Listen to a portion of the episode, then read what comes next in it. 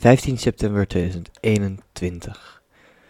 Vandaag heb ik werk gevonden voor een bezorgfunctie. Een aantal uur per week, 8. Wel te verstaan zal ik de bezorgservice van Eetcafé Stroom verzorgen. Op elektrische fiets en al. Ik ben nog op zoek naar meer werk. Langzaam maar zeker slinkt het kleine potje ducaten dat ik op mijn bankrekening verschrans. Ik moet geld zien te vinden. Niet dat ik ongelukkig ben in mijn armzalige financiële staat. Nee, zeker niet. Ik heb de afgelopen tijd namelijk geleerd dat het geluk zich voornamelijk tussen de plinten bevindt. Tussen de euro's. Want als je geen geld hebt, heb je ook nergens om druk over te maken. Ik heb vandaag een lange dag gehad, vol met voor- en tegenspoed. De sluimerende pijn in mijn tanden houdt aan. De hele dag door voelt het alsof er een klein kaboutertje tegen mijn voortanden aanklopt. Hallo? Hallo, is er nog iemand die voelt? Zo lijkt het kleine ding te roepen. Ik doe mijn mond dan open, maar er is niemand aan de deur. Het is een belletje lellen van het hoogste niveau. Om iets te kunnen eten moet ik bijvoorbeeld hetgeen wat ik eet in kleine stukjes achter in mijn gebit plaatsen. De linkerhoek.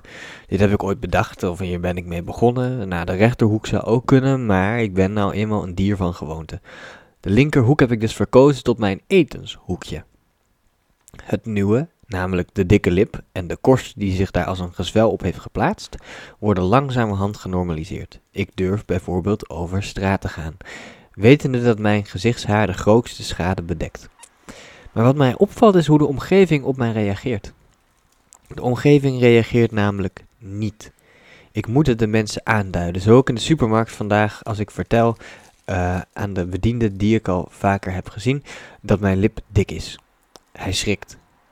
Um, hij ziet mijn groteske tijdelijke mismaaktheid. Ooit droomde ik hierover. Ik wilde een misvormde gestalte zijn, wiens geest geslepen is door de tegenspoed van het leven. Ik wilde als Sartre of als Tyrion door het leven gaan. De Grieken hadden er zelfs een term voor.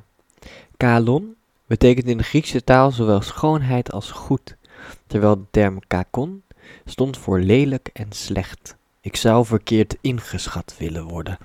Ik kijk naar mijn eigen gedrag en de dingen om mij heen en zie hoe nauw deze ideologie nog in plaats is binnen onze samenleving. Mooie mensen lijken een privilege te genieten dat lelijke mensen niet gegund is. Zij beleven de werkelijkheid anders, simpelweg omdat er minder resistentie op hun aanwezigheid wordt gereageerd. Als ik praat met een uitzonderlijk mooi iemand bijvoorbeeld, bemerk ik dat ik minder kritisch ben op wat diegene precies zegt. Er zitten randjes aan de menselijke cognitie die mij compleet ontgaan. Misschien is dat het. De details waar de duivel in schijnt te huizen ontgaan mij, en met mij vele anderen. Mijn lip, mijn opgezwollen lip, misschien wel als het bewijs voor onze eigen blindheid. En ik vraag me af, hoeveel van deze dingen gebeuren er in mijn omgeving die ik mis? Zou ik ze kunnen tellen, of zijn zij als zandkorreltjes in een handje zand opgepikt op het strand? Het antwoord ontgaat mij, en misschien Misschien zit daar juist de schoonheid in.